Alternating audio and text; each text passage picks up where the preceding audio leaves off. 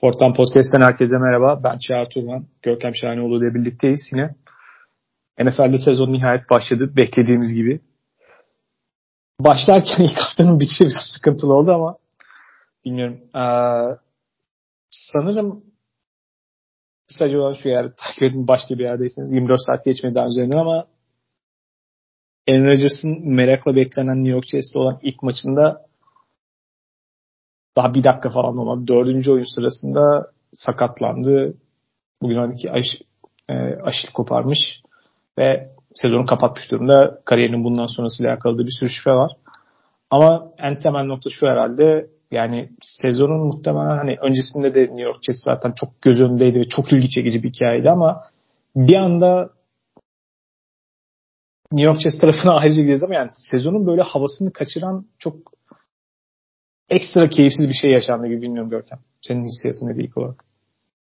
Bu üzücü bir durum tabii ki. Yani hangi oyuncunun başına geldiğiyle çok alakası yok bunun ama özellikle bu sezon e, Rodgers'ın başına gelmesi ekstra bir üzücü durum bana kalırsa. Çünkü yani New York Jets'in çok uzun süredir e, süre gelen bir quarterback talihsizliği var.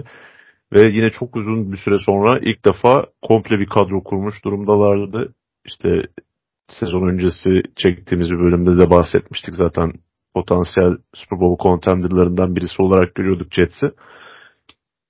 Tüm bunların ışığında bu kadar kısa sürmesi e, Aaron Rodgers'ın Jets macerasının ister istemez e, insanı üzen bir durum. Çünkü 39 yaşında bir quarterback'ten bahsediyoruz.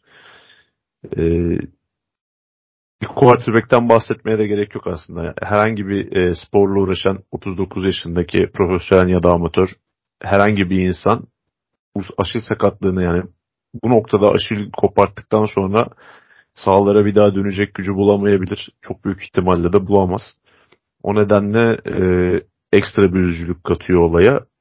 E tabii New York Jets taraftarı olmak için de çok kötü bir gün oldu. Yani maç tam 11 Eylül'ün e, yıl dönümünde olması maçın başındaki işte o etkileyici atmosfer vesaire bunların hepsinin çok kısa sürmesi e, sadece Jets taraftarlarının değil tüm NFL izleyicilerinin hevesini kursağında bırakan bir durum oldu.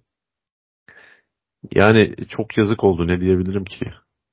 Ya, hevesi kursağında kalma noktasında mesela sezon başı tabii Hard Knocks'ta da olduğu için mesela orada bir sahne vardı. Ee, işte onu seslendiren Liv Schreiber'la Aaron Rodgers konuşurken Liv Schreiber şey diyor buraya gelerek New York'ları çok mutlu ettin diyor. Mesela oradaki o diyalog geliyor aklıma. Bir sürü şeyin yanında bahsediyor. Yani işte maçın öncesinde hemen yayınlanan bir tane John McEnroe'nun bir tane röportajı vardı onunla.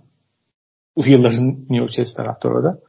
John McEnroe'na bahsediyorum. Kariyer olarak hani acayip bir kariyerin dışında da acayip bir karakter yani çok başka bir şey. Aaron Rodgers'ın yanında böyle bir umut hani böyle bize güven verecek, bize umut taşıyacak biri olsa derken böyle şey gibi hakikaten çok ünlü insanların böyle böyle özellikle hayran oldukları sporcuların yanında böyle biraz daha çocuklaşması durumu vardır. Onun gibi falan bir halde gözle yani bize biraz yani her şey kötü gidecek gibi hissediyoruz ama bize biraz umut versen muhteşem olur falan şeklindeydi. O hale geliyor aklıma. Daha sakat konuda maçı sonrasında tekrar izlerken zaten o anda bütün hani o acayip atmosfer tabii 11 Eylül yıl dönümünde New York'ta olmasının apayrı bir havası var onun ötesinde. Doğal olarak hani herkesin bütün keyfi kaçtı. Yani heves kursal kalma ötesinde herkesin böyle sessizliğe bürünüyor. Sonrasında maçtan çıkarken gözleri yaşlı olan insanların falan olduğunu söylediler. Hani bilmiyorum bir an absürt gelebilir belki ama o kadar insanların beklentisinin tavan yaptığı ve umut beslendiği bir durum oldu ki yani son 6 ay Aaron New York'a gelişinden beri karşılıklı olarak birbirine bağlanmaları noktasındaki durumun bu şekilde böyle bir sorun olmayabilir bu. Yani en Rodgers bir şekilde rehabilitasyondan döner. Sonraki belki 2-3 sezon daha oynayabilir. Bilmiyorum nasıl olur durum ama dönebilir belki ama yani New York Jets'te şu anda karşılıklı o kadar iyi bir noktada birbirini bulmuşlardı ki birinin oyuncu ve oyuncunun ötesinde tecrübe ve lider olarak ihtiyacı olan profilde öbürünün de kendisinin kariyerinin devamındaki istediklerine karşı ona destek olabilecek, onu tamamlayabilecek ve ona da açıkçası kendini iyi hissettirecek, değer verecek bir ortam şeklinde inanılmaz bir evlilik vardı aslında 6 aydır. ya evet yani balayı bitiyor bundan sonrası ne olacak vesaire tabii farklı şüpheler vardı ama yani hakikaten çok çok can sıkıcı işin o hikayesi tarafında. Yani New York Jets'le alakalı olarak hakikaten yani şeyi düşünüyorum.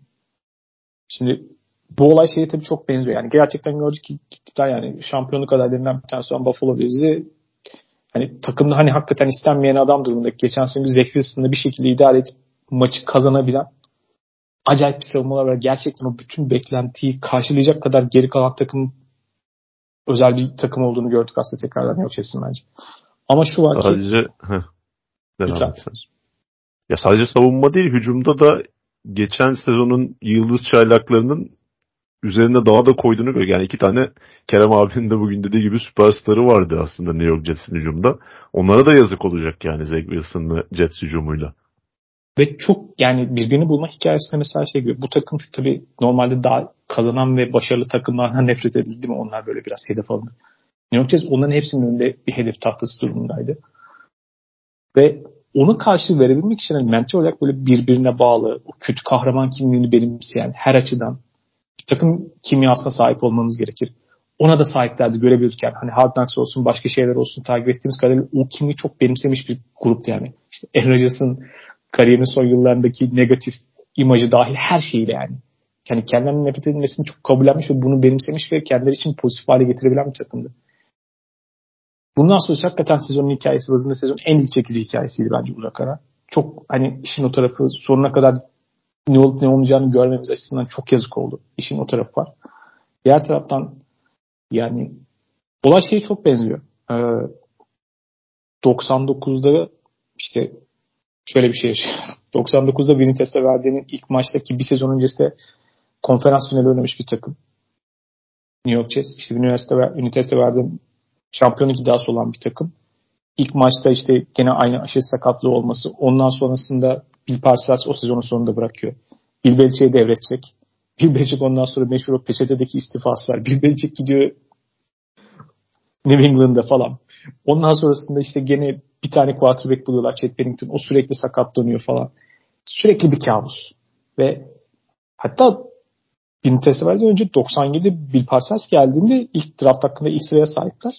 Peyton Manning geri dönüyor tenisiye mesela. Hani Peyton Manning o drafta girmiyor. Gerçekten her şeyin böyle bir şekilde her şeyin en kötüsünün onların başına geleceğine inanmış durumda bir taraftar grubu. Hakikaten onlara da üzülüyorsun. Onlara da empati kurmaya çalışıyorsun. Çok birazcık umutlandıklarında sürekli her şey daha kötüye gidiyor yani. İnanılmaz bir şey. Yani Broadway Joe, Joe Namath zamanında o Super Bowl 3'ü almak için garanti verirken artık futbol tanrılarıyla mı şeytanla mı nasıl bir anlaşma yaptı? Eminim New York Jets taraftarı şey diyordur. Yani taksitle çektiğimiz yeter bu işkenceyi. Yani neyse toplam borcumuz verelim kurtulalım başka bir sayfa açalım diyorlardır eminim üzerine. Hakikaten çok yazık yani. yani çok çok üzüldüm ben onların adına. Hani benim için ayrıca tarafı şu. Hani Rodgers benim için çok güzel bir isim. Onun kariyerinin eğer böyle bir tersi çok üzüleceğim. Başka bir hikayesi olacaktı şey maalesef benim için başka özel isim. Kobe Bryant'ın o aşı sakatlığından sonra kariyerinin benzer noktasında bir de asla aynı noktaya gelemedi. Onu çok hatırlatıyor. Sabah yani haberi ilk gördüğümde aklıma biraz da o geldi. Bilmiyorum yani her açıdan çok kötü. İşin bir diğer tarafı da hani şu anda herhalde New York Jets bir yandan da en azından sezonu götürmek adına başka quarterback adaylarına bakıyordur. Bilmiyorum sen orada bir ışık görüyor musun en azından New York Jets'in fonksiyonel bir sezon geçirmesi adına? Ya, normal şartlarda quarterback bulmakta zorlanan bir takımın sezonun şu noktasında e, tüm iyi seçenekler ortada kalkmışken iyi bir quarterback bulması gerçekten çok zor geliyor. Ama yani bir takas kartı da her zaman var tabii ki. Yani bugün biz de konuştuk işte hani ne kadar başarılı olur orası ayrı bir muamma ama çok büyük e, heyecan getireceği ve her maçın zevkli geçmesine sebep olacak bir James Winston hamlesi neden olmasın. Yani takımlarında yedek olan yine vasatın üstü ya da vasat civarı diyebileceğimiz quarterback'ler var. Yani onlara bakabilirler. Ama yani sen de çok güzel özetledin. New York Jets'in bu quarterback konusundaki talihsizliği artık biraz şey muhabbetine de benzedi. İşte Fenerbahçe'nin Allah'la arasındaki gerginlik. New York Jets'in bir uyarlamasına dönüştürülebilir o da gerçekten. Yani bu kadar olur yarım kalan her hikaye yürek burkucudur tabii ki. E, ve bu Rodgers Jets hikayesi de eğer Aaron Rodgers kariyerini bu şekilde tamamlayacaksa bu sakatlıktan geri dönemeyecekse yıllar sonra da hep işte o sakatlık olmasa acaba ne olurdu sorularını sorduracak ve belki belgesellere de konu olabilecek bir durum oldu. Çok yazık. NFL gündemimize geçecek olursak da aslında ilk hafta maçlarında tabii ki ilk haftanın biraz günahı olması var. Çünkü ilk hafta malum her zaman tuhaf sürprizler, çok iyi takımların çok kötü mağlubiyetleri olur. İşte favoriler birilerine kaybeder. Bu tip şeyler çok olur. Onların da etkileri var tabii bu haftada. O öyle çok maçlar yaşandı ama biraz da aslında sezon üzerinde hani hikayesiyle ilgili çekecek ve bu haftadan bize çıkan takımları konuşacağız. Yani Detroit Lions ve Chicago Bears konuşacağız sonrasında ama öncesinde şöyle bir gündem maddemiz var. Ee, giriş haftası özellikle de açılış maçında Chris Johnson orada şu anda tabii takımla bir kontrat anlaşmaz var. Yani kontratlı oyuncusu olmasına rağmen Kansas Chiefs'in Patrick Mahomes'dan sonra iki tane önemli oyuncusu var. Yani bir tane sakat da Travis Kelsey oynamadı ama diğeri de savunmadaki her şeyin başladığı nokta olan Chris Jones'du. Chris Jones'un kontrat anlaşmazlığı nedeniyle oynamaması, bir tribünde yer alması, sonra o maçı kaybetmeleri biraz da aslında göz önüne çıkardı ama şöyle Chris ötesinde aslında bu sezon kontratlarla alakalı daha önce görmediğimiz, alışmadığımız bir trend var işte. Biraz bunu konuşacağız. Ama öncesinde o kontrat konularına gelirken bir kolay yerden girelim. Malum running Çalıştığımız yerden gelsin. Kolay yerden girelim. Yavaş yavaş gelip konuya kolay bir basitten girelim. Şimdi, şu anda tabii en gündemdeki aslında o kontrat anlaşmazlığı noktasında ve potansiyel belki takası olacak veya olması beklenebilecek bir oyuncu. Mesela Jonathan Taylor ligin en önemli running backlerinden bir tanesi doğal olarak yani 3. yılını dolduran ve daha sonrası için en azından hayatını biraz daha finansal olarak garanti almak isteyen her NFL oyuncusu gibi doğal olarak bir kontrat arıyor. Kontrat aramak için Indianapolis Colts arasında bir anlaşmazlık var.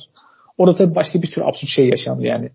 Şu anda artık ne kadar mantıklı davrandığından şüphe etmeye başladığımız Jim Irsay'in absürt şimdi hepimiz gireceğiz bu dünyadan kimse umursamaz bu NFL falan gibi adama böyle şeyler söylemesi gibi tuhaf tuhaf şeyler de yaşanmış olmakla beraber Örneğin Jonathan Taylor buradaki tek örnek değil. Bu sezon örneğin geçen sezon belki ligdeki en iyi iki running back performansı olarak herhalde Josh Jacobs ve Saquon Barkley söyleyebiliriz. Bu iki oyuncu da kontratlar konusunda anlaşmazlık yaşadı. Nihayetinde sezonun bir noktasında Josh Jacobs biraz daha yakınken sezon başlamasına e, Saquon Barkley de biraz da işte hazırlık kampının başında çok da farklı olmayan kontratlarla yani normalde onlar franchise ligde oynayacaktı. Onlar çok da farklı olmayan kontratlarla geri döndüler. Örneğin devam edecek ligdeki diğer yüksek kontratlı görece running back'lere baktığımda hani Derrick Henry'i ayrı bir yere koyuyorum zaten. Şu an zaten kimse para verecek verecek parası dahi olmadığı kadar yeniden yapılanan bir takım durumda Tennessee Titans ama örneğin Aaron Jones bir kontratında indirme giderek kaldı. John Mixon bir kontratının onun yeniden yapılandırılma yaşandı mesela. Baktığın zaman pek çok oyuncunun yani running back'lerin kontratla alakalı en iyi running back'lerin kontratı olanın dahi hani garanti kontratın dahi olan dahi geç bir sonraki sene için ne olacağını belli olmadı. Dünyada running back pozisyonuyla alakalı olarak da aslında hala bazı takımların ve bazı koçların biraz daha farklı yaklaştığı ve önem verdiği biliniyor. Özellikle de iddialı konumdaysanız, şampiyonluk konumdaysanız gerçekten o tamamlayıcı sizi daha yukarı çıkaracak running back parçası için bir yatırım yapmanız beklenebilir. Ama geri kalan takımlar için genel olarak baktığımızda açıkçası running backlerin yani ben bu kontratlarla beraber nereye gidiyor noktasında biraz daha merakım ve endişem var. Çünkü yani gene işte kolej, kolej sezonunda başladığı için görüyoruz yani CC running falan var yani. Wisconsin'ın iki tane adam var. Getirsen şu anda çıkarsın hepsini NFL takımlarında oynar görüntüler. Sürekli böyle oyuncular çıkıyor bir yandan. Ve hali hazırdayken running back pozisyonunun geleceğinde nasıl bir şey olacağı mesela orada nereye dönecek bir yaklaşık 5 sene 10 sene sonra ben onu mesela daha çok merak ediyorum. Bilmiyorum orada bir öngörüm var mı açıkçası? Running back'lerin bu durumunu zaten geçtiğimiz sezonda konuşmuştuk. Yani çok konuşulan bir konu aslında. Ee, ya bunun birden fazla nedeni var aslında. Yani böyle ge- genel kabul görmüş bir nedenden bahsetmek de çok mümkün değil. Sen de bazılarına değindin az çok. Yani ben bununla alakalı aslında bundan birkaç ay önce ESPN'de Bill Barnwell'in yayınlanan bir yazısı vardı benim. En sevdiğim yazarlardan birisidir kendisi de. Ee, yüksek profilli quarter e, running back'lerden daha düşük profilli running back'leri kullanarak onları parlatma olayını Shanahan ailesi başlatmış aslında. Yani buna çok dikkat etmemiştim ben açıkçası. O yazıda görünce dikkatimi çekti. Sonrasında da baktım gerçekten yani Baba Shanahan'ın Denver Broncos'unda Terrell Davis bir 6. tur draft seçimi ve Hall of Fame'e uzanan bir kariyer. Devamında Kyle Shanahan'ın işte e, Houston Texans'taki hücum koordinatörlüğü döneminde Arian Foster undrafted bir running back'ti. Ondan sonra Washington'da Alfred Morris 6. tur draft seçimiydi. E, zaten San Francisco 49ers'ta işte Matt Breida olsun, Ryan Mostert olsun, Jeff Wilson olsun tamamı undrafted oyunculardı. E, biraz bu trendi Shanahan ailesinin de yani ne kadar etkisi var tabii ki onu hala net bir şekilde ortaya koyamayız ama onların gösterip diğer takımların da uygulamaya başlamasıyla ya işte sadece birinci turdan draft ettiğimiz ya da işte ne bileyim çok yıldız olarak takıma getirdiğimiz running backlerle değil de hani bu tarz running backlerle de bu iş oluyormuşu keşfetmeleri ee, biraz olayın değişmesine neden oldu aslında. Yani şu an mesela baktığımız zaman ligde e, Leonard Fournette hala bir takımla anlaşmış durumda değil. Karim Hunt ilk 5 ilk 5 draft pick ya. İlk 5 draft pick çok uzun süre olmadı yani draft edilen oyuncu. Acayip bir şey. Aynen öyle ve e, Christian McCaffrey ile aynı draft sınıfındaydı Fournette. McCaffrey hala ligin en iyilerinden bir tanesiyken Leonard Fournette şu an takımsız. Yani şuraya geleceğim buradan. Running back pozisyonda son yıllarda istikrarın da bayağı bir azaldığını gördük. Yani e, tabii McCaffrey'de sakatlıklar nedeniyle biraz e, istikrardan zaman zaman uzaklaşın ama sağlıklı kaldığı sürece üst düzey oynayan bir oyuncu. Ama yani onu bir kenara koyduğumuzda Nick Chubb dışında uzun süre böyle istikrarı üst düzeyde tutabilen bir running back'te yok. Yani şimdi bakıyoruz mesela dönem dönem işte Ezekiel Elliott bir dönem çok iyiydi, çok hızlı bir şekilde düştü. İşte Todd Gurley ligin en iyisi MVP adayıydı, çok hızlı şekilde düştü. Yani Sanırım o kontratlarda biraz ders oldu takımlara. Evet ve işte bu iki oyuncu özellikle mesela o en yüksek dönemlerinde hadi Ezekiel Elliott'ınki çok daha tartışmalı bir kontrat. Onu e, biraz Jerry Jones'un yaptığı yanlış olarak da görebiliriz ama hani Todd Gurley'e o dönemde o kontratı vermeye mecbur gibiydin sanki. Yani tamam bir running back ama hala o sistemin çalışmasındaki en önemli parça olarak gözüküyordu. Hani orada çok eleştiremeyeceğim. Fakat yani bu oyuncuların çok kısa sürede formdan düşmesi çeşitli nedenlerden dolayı takımları biraz daha e, yeniden düşünmeye sevk etti bence bu konu hakkında. E tabii bir de işin içine son yıllarda daha da popülerleşen analitik yaklaşım da girdikten sonra işte zaten bundan daha önce de bahsetmiştik pas hücumlarının e, daha fazla odak noktası olması, koşu hücumlarının azalması işte analitik yaklaşım da bunu söylüyor zaten. E, running back'lerin değerini biraz daha azalttı. Yani bunu hem draft seçimlerinde gördük ilk önce. Uzun bir süre ilk turda e, running back draft edilmiyordu. Bu yıl iki tane draft edildi gerçi ama ondan sonra işte e, running back'lerin istedikleri kontratları bir türlü alamamaları vesaire. Yani e, bu trend bir süre daha devam edecek gibi gözüküyor. Yani çünkü aksi yönde bir e, durum göremedik henüz çoğu e, yıldız diyebileceğimiz çaylak kontratında yıldızlık statüsüne yaklaşan ya da o noktaya gelen oyuncuların daha ilk alacağı kontratlarda sıkıntı yaşanmaya başladı. Yani durum aslında daha da kötüye gidiyor. İşte Josh Jacobs, Jonathan Taylor, Saquon Barkley bunların en büyük örnekleri. Bir noktaya kadar direndi onlar da holdout yaparak ama yine e, o kontratı ya da işte franchise tag'i yani franchise tag den ziyade hem Barkley hem e, Josh Jacobs birer yıllık kontrat imzaladılar ama yani o franchise tek tehlikesi hala sürüyor onlar içinde. Ben bu işin daha sonrasında acaba kolej seviyesine ve belki daha öncesine gidecek şekilde acaba oradaki durumları nasıl etkileyeceğini ve daha sonra bunun NFL'e geri dönüşünün nasıl olacağını biraz merak ediyorum gelecek adına. Baktığın zaman da yakın dönemde artık o kontrat almaya başlayan oyuncular işte hani Derek Henry gibi tabii biraz daha hakikaten istisnai durumlar falan var ama mesela Aaron Jones'un aldığı kontratı düşündüğümde bu tip takımların yani gerçekten oyuncuların işte o takımlar için çok önemli olması, çok belki başka bir yere yani şampiyonluk iddiasının olması, o dönemde gerçekten hani durum değiştirmeden hani bir sene daha devam ederim, iki sene daha devam ederim eğer o şampiyonluk penceresini yanıyorsa veya takımlarda işte Christian McCaffrey'in Carolina'da olduğu gibi çok önemli bir yerin olması gibi durumlarda ancak takımların o kontratları verdiğini verdiği kontratların da hani mesela 4 yıllık kontrat diyorsun yani maksimum 2 yılın falan garanti olduğu kontratlar bunlar aslında. Hani franchise tag'den ki yıllık ortalama rakamına baktığınız zaman da franchise tag'den genelde daha yüksek rakamlar olmuyor bunlar aslında. Aşağı yukarı o seviyede yani. Bu tip hakikaten niş durumlarda ancak takımlardan boyunca artık kontrat olabildiğini gördük. Şimdi o daha da zor durum gidiyor. Ve bu sezon üzerinde dikkat çeken durum bir anda belki boyunca ara ara bileyim, belki her yıl bir tane oyuncu böyle oluyordu son birkaç yılda. Bu ilk kez birkaç tane böyle oyuncunun olduğunu gördük. Yani biraz o daha da o konu ilerlemesi ve aslında bir yani net gösteren konu bu oldu bence. Birkaç tane oyuncunun birden olması. Benzeri bir durum aslında daha önce alışmamıştık. Running back pozisyonunun ötesinde diğer pozisyonlarda da belki ilk kez bu kadar çok yüksek profil oyuncunun hakikaten süperstar seviyesinde bahsettiğimiz oyuncunun da benzer şekilde kontrat anlaşması olması lazım. Örneğin Chris Jones tabii ki buradaki en önemli çıkan oyunculardan bir tanesi. Chris Jones hani kader bir kontratı var ama NFL'deki kontratlar tabii genelde şöyle olduğu için pozisyonun en iyisindeki oyuncularda işte bir önceki en yüksek kontratın ortalama yıllık rakamı ne? Onun işte 1 milyon dolar yukarısı işte %5 çok çok eğer yukarı çekecek özel bir oyuncu varsa bazen o %10 %15 bandında kadar yukarı daha olabiliyorlar. İşte öyle bir rakam olması gibi kendi içinde tutarsız bence yani takımların öyle bir oyuncuya her neredeyse her oyuncu sanki eşit değerdeymiş gibi birbirinden farklı oyunculara neredeyse aynı kontratları verdiği tuhaf bir isim. Yani e, örnek modelini oluşturması gibi absürt bir durum var. O da belki biraz azalıyor artık yani en azından quarterback seviyesinde ama hala o durum en azından pek çok için, oyuncu için geçerli. Nick Boza için benzeri bir durum vardı. Nick Boza neredeyse sezon yani, e, yani maç başlamasından işte 2-3 gün önce kontrat toplusu anlaşmaya vardı.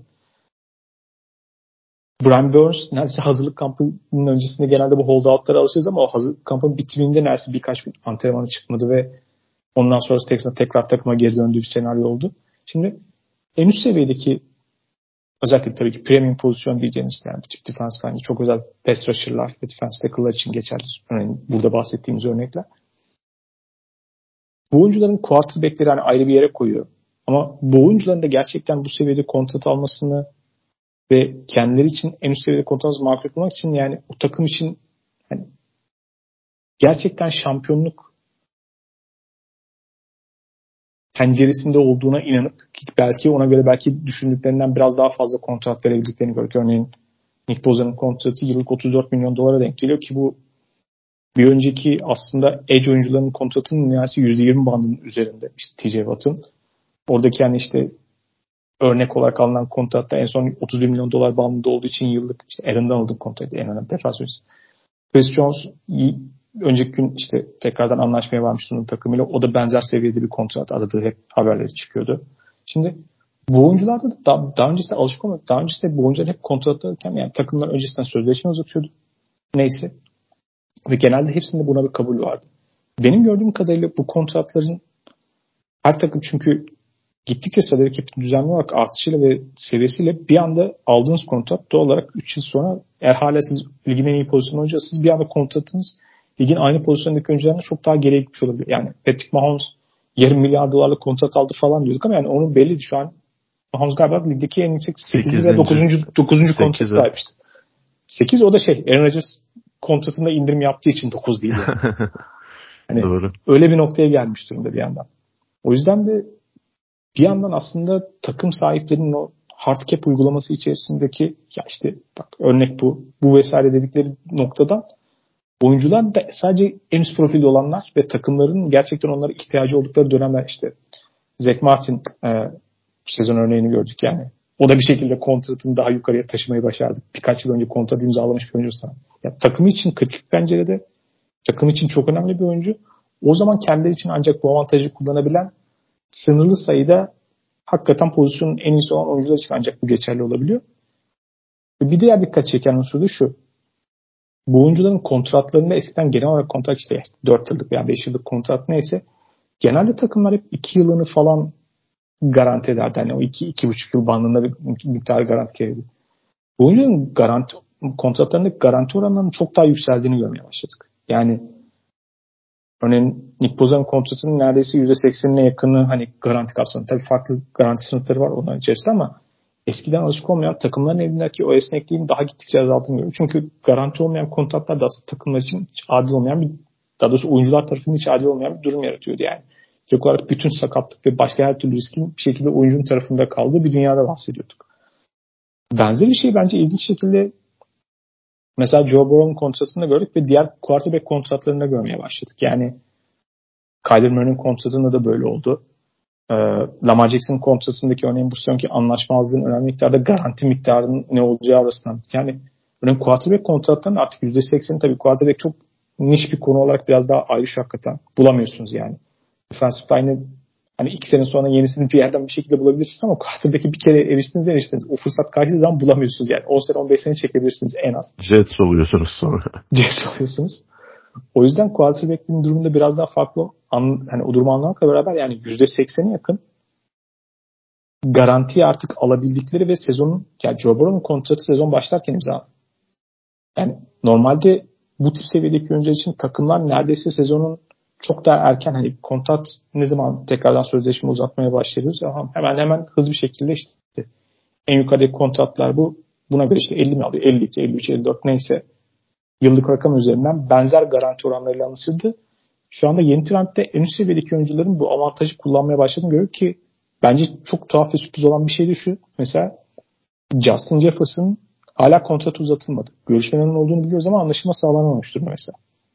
Ki ligin en tehlikeli wide receiver veya en iyi wide receiver şu an Justin Jefferson mı değil mi? Hani başka belki birimiz Jamar Chase'ler, birimiz Tyreek Hill'ler vesaire falan ama muhtemelen üzerine yatırım yapacağınız konusunda en iyi hissedeceğiniz oyuncu herhalde çok net Justin Jefferson'dır. Quarterback olmayan hücum oyuncular içerisinde.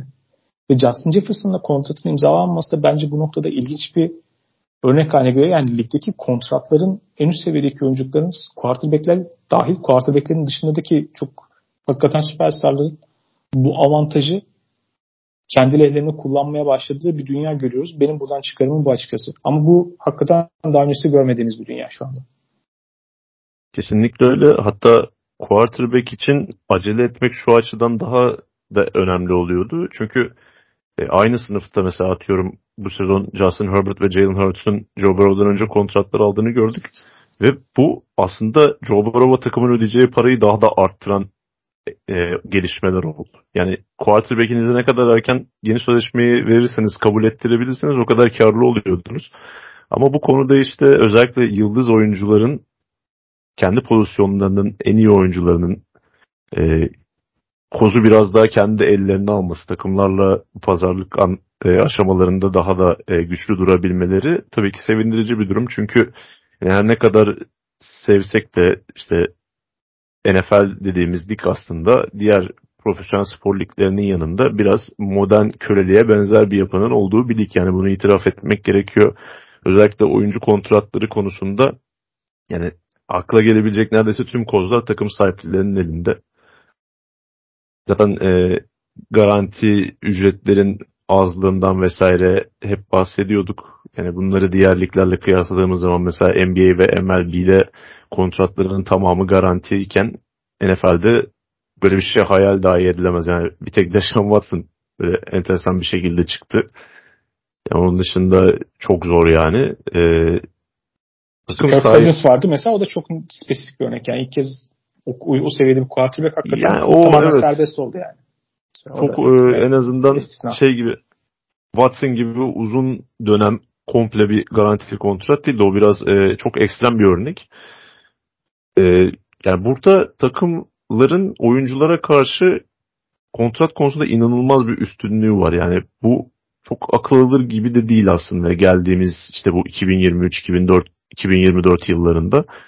Çünkü e, siz bir pozisyonun en iyi oyuncusu olarak sürekli en üst düzeyde performans vermek zorundasınız. Ancak e, bir sezon böyle düşüş yaşadığınızda ya da performansınız biraz düşmeye başladığında işte takımlar sizi istediği zaman kesebiliyorlar ve o cüzi gibi gözüken kontratın tamamına kıyasla cüzi gibi gözüken garanti parayı ödemekle e, mesul oluyorlar sadece. Ancak oyuncu tarafında böyle bir durum söz konusu değil. Onların tek yapabildiği hold out'tu ki o da e, antrenman kampında katılmadıkları her gün için ciddi bir miktarda cezaya maruz kalıp e, maç zamanı yaklaştıkça da maç başı ücretlerini alamamak gibi çok daha dezavantajlı duruma düşürüyordu oyuncuları. Hatta ona da e, dikkat edersen son toplu iş sözleşmesinde geldi. Neden geldi? Çünkü takım sahipleri neden nefret ediyorsa başlarına bela açacak. Onun üzerine çiziyorlar Öncesi yoktu öyle bir şey yani. Yeni geldi. A- aynen öyle. E, e, veteran kontratlar için 50 bin dolar gün başı. E, çaylak kontratlar için de 40 bin dolar diye biliyorum. Yani bunu haftalık bazda vurduğunuzda oyuncuların maaşının ciddi bir kısmı yapıyor gerçekten. E, sonrasında işte anlaşma sağlanırsa takımların işte o cezaları silme, işte yerine göre iptal edebilme durumları vesaire oluyor ama e, asıl burada kritik nokta oyuncuyla mesela Brian Burns'ta bunu çok net gördüğümüzü düşünüyorum ben. Yani bir oyuncu holdout yapıyor ama buna ne kadar kararlı. Çünkü maçlar başladığı zaman o parayı alamamak çoğu zaman daha kötü bir durum oluyor oyuncu için. İşte Brian Burns'te işte her neyse biz işte kontrol edebildiğimizi edelim. Çalışmaya, mücadele etmeye devam edelim. Gerisi bir şekilde hallolur diyerek takıma geri döndü. Ee, Chris Jones ve Nick Bosa gibi yüksek profilli oyuncuların bunu yapması aslında şu açıdan e, çok mantıklı geliyor bana. Çünkü e, bu mesela Bosa son 5. yıl opsiyonundaydı. Chris Jones da kontratının son yılında. Şimdi normalde mesela NBA'den örnek vereyim. NBA'de bir kariyerin e, kontratının son yılındaki oyuncu normal performansının çok daha üzerine çıkar o kontratı alabilmek için. Ancak NFL'de franchise'den teklenen illet olduğu müddetçe oyuncular hani benzer performansı göstermekte zorlanabiliyor ya da tam olarak e, kafalarını buna veremeyebiliyorlar çünkü yani o kontratı alamayacak muhtemelen. Çünkü takımların elinde bir franchise tek kozu var. Şimdi sen o kontratı alabilmek için bütün sezon boyunca canının dışına takacaksın ama seni franchise tekle takımda tutacaklar. Bu gerçekten e, oyuncular için çok kötü bir durumdu. Ve bunun önüne geçebilmek için aslında bu oyuncular holdout yaptı. Yani Chris Jones ben 8. haftaya kadar oynamayacağım diyordu rahat bir şekilde. Ne oldu? İlk maçta e, sürpriz bir mağlubiyet alınca takım hemen apar topar anlaşmak durumunda kaldılar. Yani bunu hala e, X bir oyuncu yapamıyor illa ki.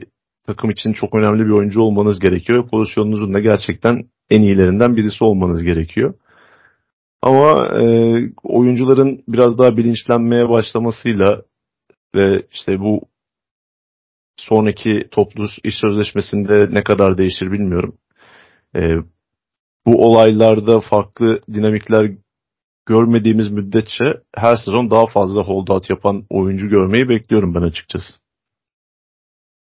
Holdout'ların sonunda oyuncularla taraftarlar biraz karşı karşıya geliyor medya önünde ve aslında oyuncuların aslında imajını biraz yıprattığı bir dünya var. Takım sahipleri de ya sana zaten kontratın yok mu anlaşmadık mı biz sen niye anlaşmana sözüne uymuyorsun gibi bir tarzda bulunuyorlar. Genelde biraz böyle yaklaşıyor işi. Ama zaten başından itibaren yaptığınız anlaşma toplu iş sözleşmesi aslında bir modern kölelik anlaşması yani. Onun evet. içerisinde çok adil bir anlaşma yok. Bahsettiğim aslında dönüm noktası olacak olanlardan bir tanesi gerçekten Patrick Mahomes'un kontratıydı. Yani Patrick Mahomes'un işte quarterback'in gerçek değeri için anlaşılan çok daha yüksek tamamı garanti çok uzun vadeli bir kontratı ilk alan oyuncu olabilirdi gerçekten salary cap'in belli bir yüzdesinin yıllık olarak onun üzerinden giden çünkü salary cap arttıkça hep kontratın böyle daha düşük kalması durumuna karşı öyle bir senaryo olabileceği düşünüyordu. Patrick Mahomes yani biraz daha takım için daha iyi olan ve etrafındaki kadroyu daha güçlü tutmak adına alabileceğini çok daha azını bir miktar razı oldu. Hatta ona da bazı oyuncular hatta biraz gücenmişlerdi yani o zaman. Yani sen sadece kendin için değil aslında biraz da herkesin önünü açacaksın demiş. Mesela Patrick Mahomes o kontratı alabilirdi yapmadı. Ama biraz daha oraya doğru gidiyoruz gibi görünüyor. Takım da gitti ne yaptı Tarikeli göndererek Mahomes'u ödüllendirdi. Ve Chris Jones'la sözleşmeyi uzatmadı falan vesaire değil mi yani? Onlar da çok ona uydu. Tabii Chris Jones Detroit Lions'a da teşekkür edebilir belki tekrardan anlaşma sağlanması için.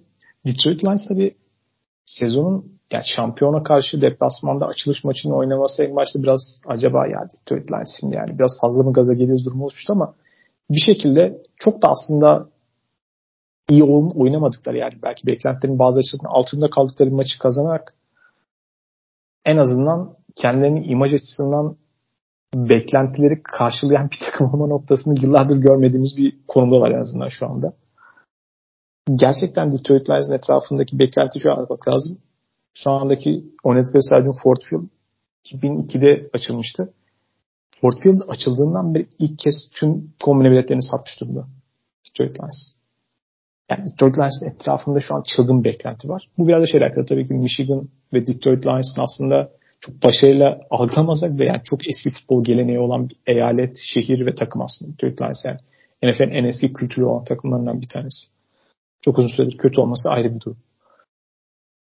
Detroit Lions'ın bence şu anda noktada en önemli noktası gerçekten ne kadar bu sezon üzerinde iddialı olabilir konusuna en son geleceğiz ama galiba iki sezon öncesinde işte yeni rejimin gelmesi, Brett Holmes ve Dan Campbell'ın gelmesiyle birlikte işte genel menajer ve head coach. Gerçek anlamda bir yeniden yapılanma yaparken onlar için çok özel bir oyuncu olan onların artık efsanesi dediğimiz quarterback'lerini de gönderdikten sonra Matthew Stafford'ı Los Angeles Rams'i gerçek anlamda bir yeniden yapılanma başlattılar ve o yol yeniden yapılanma yolu aslında muhtemelen pek çok takım açısından en azından yakın dönemde bu işin nasıl yapılır konusunda iyi bir örnek oldu diye düşünüyorum. Sen kendin o yeniden yapılanmaya baktığın zaman yani onun öncelikleri ve yaptıkları adımlardan neyi başarılı yaptılar dersek sen orada hani neleri öne çıkarırsın diye. İlk olarak şunu söylemem gerekiyor ki genel kabul görmüş e, kuralları takip etmeyerek kendi bildikleri şekilde yapılanmaları bence en önemli faktör. E, Dan Campbell'ı takımın başına getirdiklerinde benim aslında hiçbir beklentim yoktu. Çünkü e, oyun bilgisi ve e, takıma işte bir hücum kökenli koç olarak gelmişti. Hücum anlamında takıma verebileceklerinin çok kısıtlı olduğunu düşünüyordum ama e, geldiğimiz noktada çok büyük yanıldım gerçekten de. Çünkü bu biraz aslında beni şey yanılgısına da düşürdü. NFL'de son dönemde işte böyle e, çok play caller koçların sayısının artmasıyla birlikte her gelen koçun benzer tarzda koçluk yapmasını bekliyoruz. Yani ben en azından en azından öyle bir yanılgıya kapılmıştım. İşte o Şeneyen ve adamları bayağı bir gözümüzü boyadı o konuda gerçekten de. Ama Dan Campbell'ın biraz daha old school işte o zamanlar böyle işte rakiplerin dizilerini ısıracağız, şunu yapacağız, bunu yapacağız. Yani o söylemler bana çok banal geliyordu. Ama Klasik geldi... şey değil mi? Detroit'e ve Cleveland'a giden koçların işte Michigan ve Ohio'nun geçmişine de atıfta bunlar mavi yakalı şehrin tarzına uygun savaşan bir takım yaratacağız. Klişesi.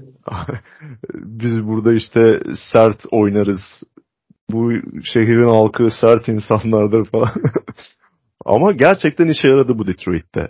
Yani ama neden işe yaradı? Çünkü yeni gelen bir rejim senin bahsettiğin gibi belki e, bunu yapmak zorunda da değillerdi ama direkt bir quarterback değişikliğine gittiler ki o dönem e, herkes de bu takasta yani kazanan tarafın çok net bir şekilde Rams olacağını düşünüyordu. Yani öyle de oldu. Rams kazandı o takastan ama bugüne döndüğümüzde Detroit Lions'ın da kaybetmediğini görüyoruz en azından. Yani Jared Goff Los Angeles Rams'tekinden daha farklı bir konumda şu an Detroit Lions'ta. Yani averaj bir quarterback'ten beklentinin üzerine çıkan bir quarterback'e dönüştü. E, bu da tamamen işte onun etrafında kurulan takımın e, Jared Goff'u merkeze koymayıp da ona yardımcı olabilecek bir yapıda kurulmasıyla alakalı aslında. Yani yıllardır oraya yapılan eklemelerle oluşturulan çok iyi bir offensive line var. E, bu zaten bana kalırsa tüm takımların yapması gereken bir şey. Yani sıfırdan bir yapılanma yapıyorsanız ilk önce offensive line'ı ve defensive line'ı oluşturmanız gerekiyor. Çünkü San Francisco 49ers örneğinde de böyle. Yani defansta özellikle e, defensive line'ınız belli bir seviyenin üstte, üstündeyse geri kalan tarafı bir seviye idare edebiliyorsunuz. E, Detroit Lions'ın defansı hala gelişme noktasında ama hücum tarafındaki e, duruma baktığımızda çok iyi bir offensive line'ın arkasında yapılanan ve onunla e, evrilen bir hücumdan söz etmek mümkün. Yani tüm yük Jared Goff'un omuzlarında değil, iyi bir koşu hücumu ve bunu destekleyen e, yaratıcı bir hücum koordinatörüne sahipler. Ve e, takıma yapılan eklemeler artık geleceğe değil de şu an kazanmaya yönelik yapılan eklemelerdi. Özellikle draftta ilk dört seçimi Detroit Lions'ın bayağı tartışıldı. Ve Brett Holmes bu konuda yaptığı bir açıklamada şunu söylemişti. E, premium pozisyonlarda harcamadılar draft haklarını. En çok bu eleştiriliyordu ama hani biz artık kazanması gereken bir takımız. Daha geleceğe yatırım yapmıyoruz. Bize ilk günden itibaren katkı verecek oyuncular lazım ve biz onları seçtik dedi. Ee, daha birinci haftadan son şampiyona karşı işte o dört çaylan performansına bakarak da aslında ne kadar doğru bir hareket yaptıklarını anlıyorsunuz. Yani evet Jamie Gibbs çok fazla oynamadı. Çok fazla süre alamadı belki ama oyunda olduğu her an oyunu çok fazla etki etti. İşte Brian Branch ilk maçında pick six yaptı. E, Laporta en fazla oynayan tight takımdaki ki çaylak tight bu kadar çabuk e, NFL uyum sağlamasını beklemezsiniz. Yani buradaki mentalite aslında hani genel kabul görmüş işte yeniden yapılanan bir takım var. İşte en önemli pozisyonlar, premium pozisyonlar neler? İşte sol tackle alalım, cornerback alalım. İşte ne bileyim quarterback'i değiştirelim. Hani Goff'tan daha potansiyelli bir oyuncu draft edelim oraya. Yani bunu reddederek biz şu an işte geçtiğimiz sezon belli bir noktaya kadar geldik. Kazanmaya hazır bir takımız. Bize ilk günden katkı verecek oyuncuları seçelim. Yani bunun e, şeyi fark etmez, sırası fark etmez ya da takıma free agency'den oyuncu getirirken işte bu mentaliteyle olaya bakalım kafasındalardı. Yani şu ana kadar olumlu işleyecek gibi duruyor. Tabii ki daha şu an bir hafta oynandı sadece. E, bu bir hafta üzerinden çok büyük e, şeyler çıkartmak ne kadar doğru olur bilmiyorum ama en azından bu stratejinin işleme yolunda olduğunu düşünüyorum ben. Bu bir haftanın öncesi aslında Detroit Lions ile alakalı bu yüksek beklentinin sebebi yani geçen sezonun ikinci yarısını nasıl geçirdi? Yani geçen sezonun ikinci yarısında çok etkileyici performansı, bayağı flash galibiyetler de alan playoff sınırına yani neredeyse yaklaşık sezona çok kötü başlamıştı. Yani, yani 1-7 miydi, 1-6 miydi öyle bir şeydi. Ondan sonra böyle arka ve iyi takımlara karşı seri galibiyetler alan ve kendi kimliğini kabul ettiren bir takım olarak gelmeleri aslında biraz beklenti yaratan. Hani bu sezonki ilk maçı kazanmaların ötesinde. Bence şöyle birkaç şey var. Bahset. Ben Campbell hani tabii olarak bir de bir koordinatör olarak gelmedi. Yani pozisyon koçu olarak geldiği için biraz beklenmeyen bir isimdi.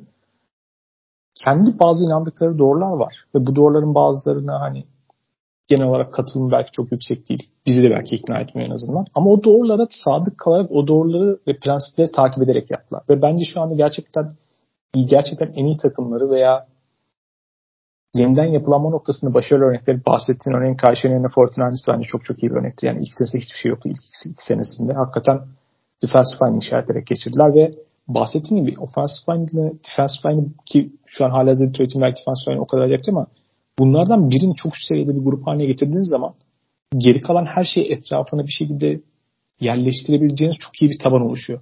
Yani iyi bir offensive line'iniz varsa çok iyi bir koşu oyuna sahip olarak hücumunuzu bir noktada bir araya getirip sonra etrafına başka şeyleri tamamlayabilirsiniz. Defensive line'iniz çok çok iyiyse onun etrafında geri kalan pozisyonlarınız çok aman aman olmasa da fena olmayan bir savunma kurup bir rekabetçi, kendinize bir rekabetçi güç katabiliyorsunuz. Bu hani takımın yeniden yapılanma ve içerideki getirdiği oyuncuları geliştirme noktasında biraz rekabetçi olarak da üzerine koymasını sağlayan bir şey haline geliyor. Bence burada ilk başarılı adım attılar. Bahsettiğin örneğin işte premium pozisyonlara yatırım yapmayan ama Brett Holmes bir Los Angeles Rams'dan geliyor. Çok agresif özellikle draft haklarını harcama konusunda takaslara alışık bir dünyadan geliyor. Örneğin draftta çok agresif bazı takaslar, önceki yıllarda çok agresif takaslar yaparak çok inandıkları oyunculara gittiler. Bu tip şeyleri yapmaktan çekinmediler. Yani spesifik aslında draftın biraz günahı gibidir yani. Çok bir oyuncuya takılıp onu, onun için böyle kafayı takmak ve çok yukarıdan seçmek biraz. Ama mesela o tip şeyleri yaptılar ve kendi içerisinde kendilerine göre inandıkları oyuncu tiplerini, o karakterleri ve kendi oluşturmak istedikleri aslında kültürü oluşturacak oyuncuları tuttular. Ve gelen oyuncularla alakalı şöyle bir şey tabii Detroit'e meşhur şey var. İşte önceki yıl draft ettikleri Jameson Williams draft edildiğinde onun bir görüntüsü var ya etrafta yani ne işimiz var niye Detroit'e gidiyoruz diye bir, bir görüntü çıkıyordu mesela. Belki şu an örneğin onu da daha farklı şekilde olabiliyorsun. Yani gelen oyuncuların oradaki kültürü değiştirmek, takımın sahip olduğu kötü ünü, kötü şöhreti değiştirmek üzerine orada sorumlu kalacak ve onu benimseyecek karakterler olabildiğini de görüyorsun yani. Tabii Aiden Hutchinson gibi görece altyapıda neredeyse diyeceğim bir oyuncuydu. Ki piyangoları falan olmasa faktör tabii ama bunların hepsi belki kendi içinde belirledikleri şeyler tutarlı şeyler yaptılar. Örneğin offensive line ve koşu hücumu etrafında ve onun çevresinde mesela bir hücum işaretler o çok iyi bir taban haline geldi. Şimdi şu anda hali hazırdaki işte hücumun başındaki Ben şu anda ligin en Kayseri'nin ofensini yönetiyor muhtemelen değil mi? Yani Kayseri'den daha Kayseri'nin takımı gibi oynuyorlar yani.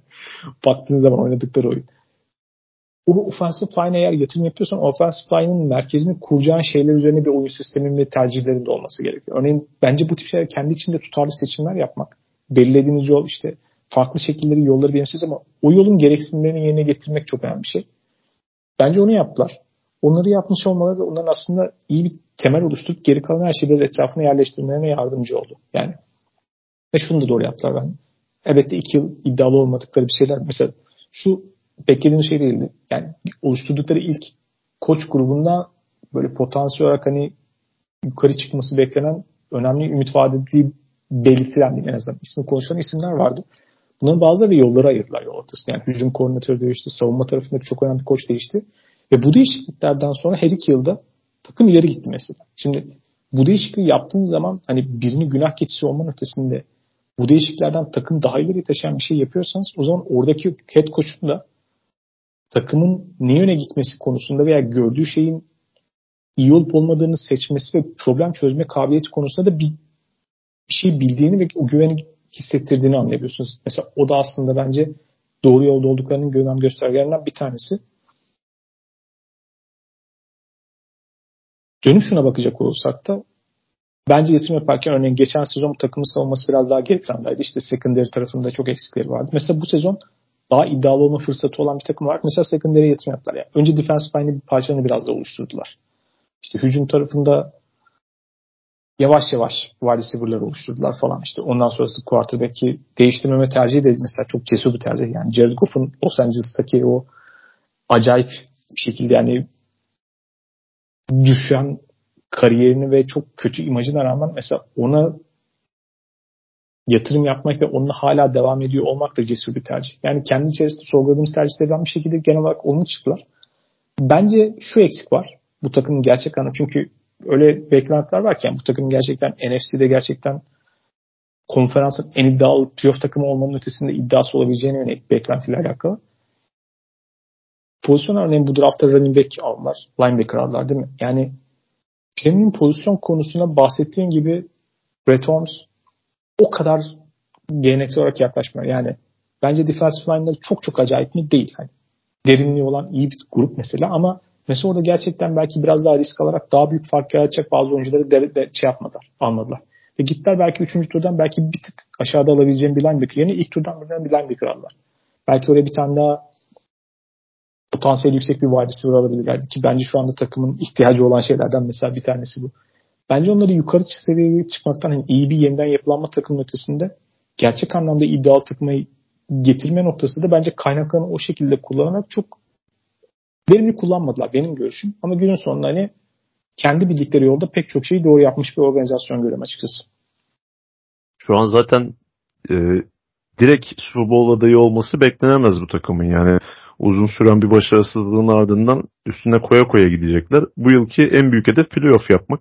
Yani playoff dışı bir sonuç Detroit Lions için cidden başarısızlık olur. Ama o playoff'u yaptıktan sonra üstüne yapacakları hamleler çok önemli olacak. Yani wide receiver evet ciddi bir eksik ama Jameson Williams'ın dönüşüyle birlikte o eksik bir anda ortadan kalkabilir. E, defensive line konusunda katılıyorum sana. Orada Jack Campbell ilk hafta yine en az oynayan çaylak oyuncusuydu zaten. E, Jack Campbell seçimi yerine defensive line'e en azından Aiden Hutchinson'a partner olabilecek üst düzey bir edge rusher'ı daha seçseler e, potansiyel olarak savunma çok daha farklı bir noktaya gidebilirdi. Ama onun dışında yani dediğim gibi Dan Campbell'ın aslında NFL koçluğunun unutulan tarafını tekrardan göstermiş olması çok değerli. Yani dediğim gibi her koç e, belli bir alanda uzman olmak ve play caller olmak zorunda değil. Eskiden NFL'de koçluk neydi onu biraz daha hatırlattı. İletişimi çok iyi bir koç öncelikle. E, takımı çok kısa sürede kazandı ve oyuncuların saygısını kazandı. Bu çok önemli bir artı. Bunun dışında da teknik ekibi iyi yönetebilmek. Yani sizin maçlarda işte çok fazla bir teknik ya da taktik açıdan e, etkin olmanız beklenmiyor. Yani bunu yaparsanız tabii ki çok daha iyi ama işte Dan Campbell gibi koçlar bunları yapabilecek isimleri yönetmek ve oyuncuları yönetmek konusunda çok iyi iş çıkarttığını düşünüyorum. Bu da gerçekten fark yarattı. Yani her iki sezonun da başladığı noktadan çok daha iyi bir noktada bitirdiler. Bu etkileyici ve geçen sezon hani daha iddialı takımlarla oynarken bu sezon başındaki maç itibariyle de görebiliyoruz ki örneğin yakın veya işte düşük skorlu, gerilimi yüksek, baskının yüksek olduğu maçları kaldırabilecek mental dirayete de sahip bir takım yani. Bu maçları oynayabilecek yetkinliğe sahip olmuş bir takımla görüyoruz. Yani genç oyuncular pek çok takım örneğin secondary'de bir sürü genç oyuncu var. Draft, yeni draft edilmiş oyuncu var. Bunların da hem geçen sene hem bu sene daha başından itibaren katkı verdiğini görüyoruz. Bunların hepsi aslında onların yani belki daha hızlı olan bir yol seçmiyorlar. Biraz daha yavaşlama sağlam adımlar attıklarını gösteriyor ama hani bütün göstergeler şu ana kadar oldukça olumlu ki Detroit Lions ile alakalı genel olarak pozitif bahsettiğimiz bir dünyada değiliz yani yıllarca. Yani e, sıfır galibiyetle sezon bitiren iki takımdan birisi. Yani diğeri de çok şaşırmayacağımız gibi Browns, Lions. NFL'de çok uzun zamandır kötü takım denince akla gelen takımlardan birisiydi yani. Bir de Detroit Lions'ın bu sezon üzerinde yani hem NFC North hem de NFC South takımları için de geçerli. Hakikaten acayip bir fikstürü var yani. Hakikaten ayağı maç kazanabilir. Ki NFC North'ta en azından ilk hafta itibariyle herkesin önünde görünüyorlar şu anda. Ama asıl olay şimdi başlayacak onlar için. Yani Detroit Lions e, Kansas City Chiefs'i yendikten sonra birden kendini e, çok farklı bir durumda buldu. Tabii bu sezon bir çıkış yapmasını bekliyorduk ama hani artık hesaba katılmayan takım değil, çıkıştaki ve göz önünde olan bir takımlar. Şimdi bu koç ekibinin ve bu takımın bunu idare etmesi bambaşka bir e, mücadele olacak. Aynen. Bahsettiğim gibi beklentiye ve baskıya sahip olarak takım olarak oynamak başka bir şey. Ve ben yani bu sezon hikayelerinde bunu Detroit Lions'ta nasıl olacağını merak ediyorum. O ilgi çekici hikayelerden bir tanesi olacak.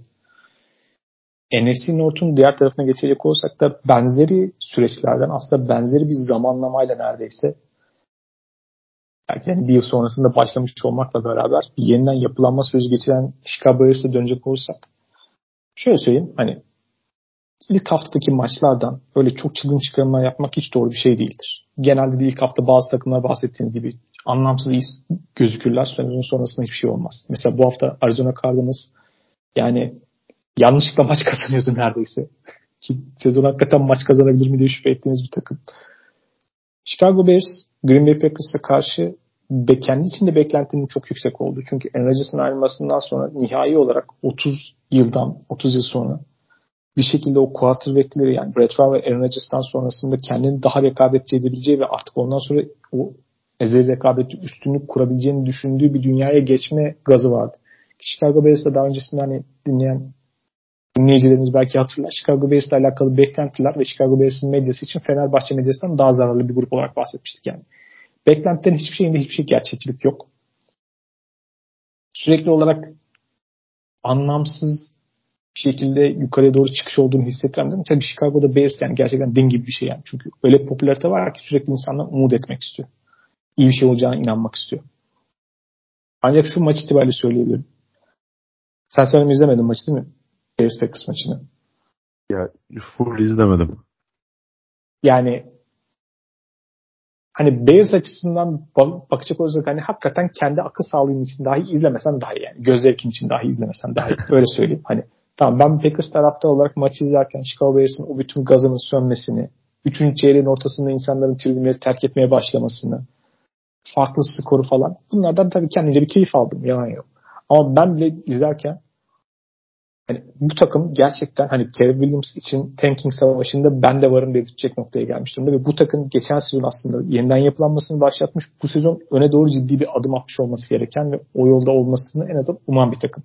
Playoff yapmak değil belki beklenti ama en azından takımın için belli parçaları yerleştirmiş olması ve daha da önemlisi olarak da ilk turdan seçilen quarterback'i Justin Fields'la alakalı onun gelişimine katkı yapıyor veya onunla alakalı nihai cevapları alacak kadar etrafında bir yapı oluşturmuş olması gerekiyor. Şimdi ilk haftadan bunlar çıkarılabilir mi derseniz hani onu hani anlarım açıkçası ama o kadar sıkıntı verici bir durum gözüktü ki yani Chicago Bears'le alakalı. Tüm bu yeniden yapılanma sürecine baktığımda gördüğüm sıkıntıların açıkçası Detroit'te ne yapılırla alakalı bir sürü güzel örnek varken bu tarafta da görüntü şu ki Chicago Bears'ın kendi içindeki o sıkıntılı yapısında yıllardır böyledir yani. yani.